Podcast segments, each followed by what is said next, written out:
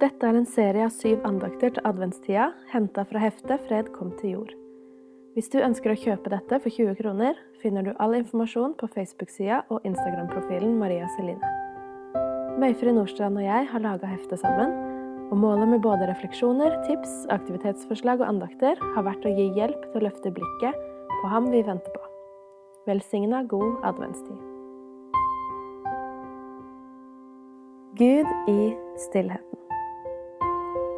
Jesaja 30, 15. For så sier Herren Gud, Israels hellige. Hvis dere vender om og holder dere i ro, skal dere bli frelst. I stillhet og tillit skal deres styrke være.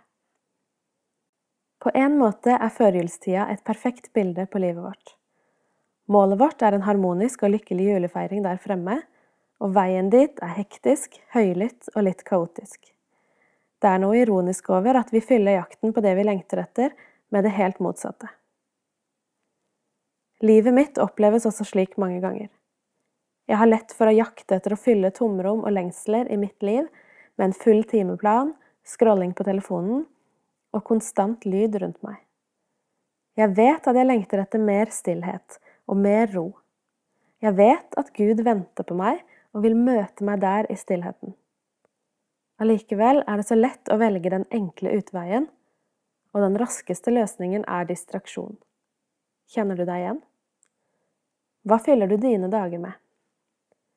Det siste året har jeg fått erfare verdien av stillhet i større grad enn noen gang. Jeg har erfart at det krever prioritering og bevisste valg. Det er som om noe holder meg igjen fra å oppsøke stillheten jeg trenger.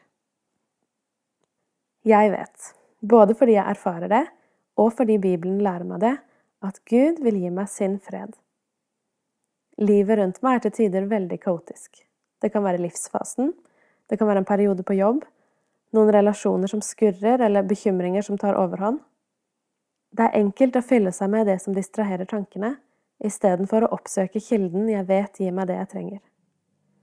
Gud venter alltid på meg når jeg søker ham. I stillheten finner jeg ikke bare fravær av støy, men det åpner opp for Guds nærvær på en helt spesiell måte. I første kongebok 19 kan vi lese om profeten Elia. Gud vil vise seg for ham, og først møter Elia en storm, et jordskjelv og en ild. Gud er ikke i noe av dette. Så møter Elia lyden av skjør stillhet. Der er Gud. Der møter Gud Elia.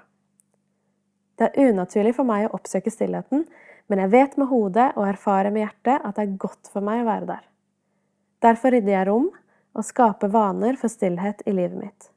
Små lommer av muligheter for å være nær Gud. Gjennom Bibel, bønn og å bare være. I stillhet og tillit skal deres styrke være, sa Gud til israelsfolket da de blei utfordra til å vente og stole på at han ville gripe inn og redde dem fra fiendens angrep.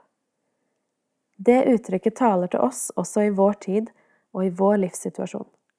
Vi som kaver og jager i egen kraft og pågangsmot, vi utfordres til å stoppe opp og løfte blikket.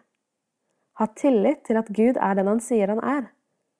Vær stille i hans nærvær og hens styrke der. Det er en gave til oss denne adventstida og i alle livets sesonger. Kjære gode far. Takk for at du vil meg noe, og at du alltid venter tålmodig på min oppmerksomhet.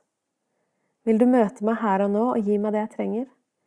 Gi meg tillit til deg og styrke for dagen. Jeg ber om mot til å søke deg i stillheten. Amen.